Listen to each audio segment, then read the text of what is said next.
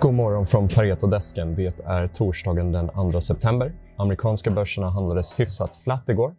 S&P 500 och Nasdaq var upp marginellt medan Dow Jones tappade något. Wells Fargo som vi nämnde igår har tappat cirka 5% på börsen två dagar i följd och eh, det är då till följd av att eh, banken hotas, hotas av nya potentiella sanktioner från eh, amerikanska finansdepartementet.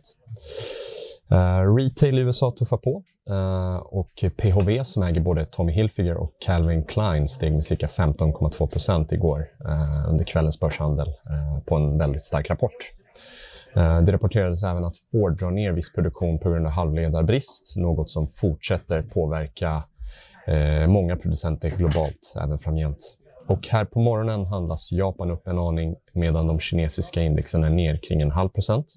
Kinesiska myndigheter sätter återigen press på teknikföretag eh, och denna gång på just eh, de som erbjuder samåkning och taxitjänster. Och det fick eh, hela tekniksektorn att vända ner. Här på morgonen ser Stockholmsbörsen ut att öppna upp Eh, öppnar ner kring 0,2 procent och eh, på vårt morgonmöte idag har vi bland annat diskuterat Dometic.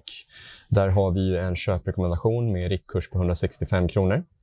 Eh, det vi har diskuterat där är Tor Industries som, eh, som är en av världens största tillverkare av husbilar och husvagnar. Eh, köpte igår en av sina leverantörer som även är en viktig konkurrent till just Dometic.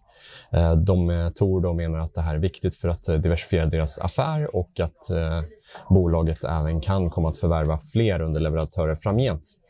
Eh, vår tolkning är att eh, det är lite svårbedömt. Eh, det lutar åt att utvecklingen blir något negativ för Dometic men att det både kan ha sina fördelar och nackdelar då såklart andra aktörer inom branschen kan se komma att inte vilja köpa från eh, de här just eh, uppköpen som eh, Tor gör. Uh, utöver det så ryktades det under förra veckan att uh, det kommer ett bud på läkemedelsföretaget Sobi. Och här på morgonen har det bekräftats att budet blir på 235 kronor per aktie. Aktien stängde upp ungefär, eh, eller stängde ungefär kring 192 kronor igår och det medför då en budpremie på 22,6 procent från gårdagens stängningskurs. Vi på Pareto har ett tydligt budskap eh, och eh, tycker att budet är för snålt.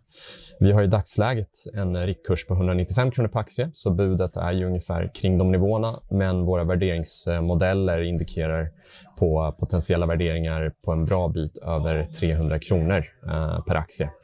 Lite beroende på hur man räknar. Med det sagt så rapporteras både Investor och Fjärde AP-fonden acceptera budet. Eh, det var allt för idag. Tack så mycket.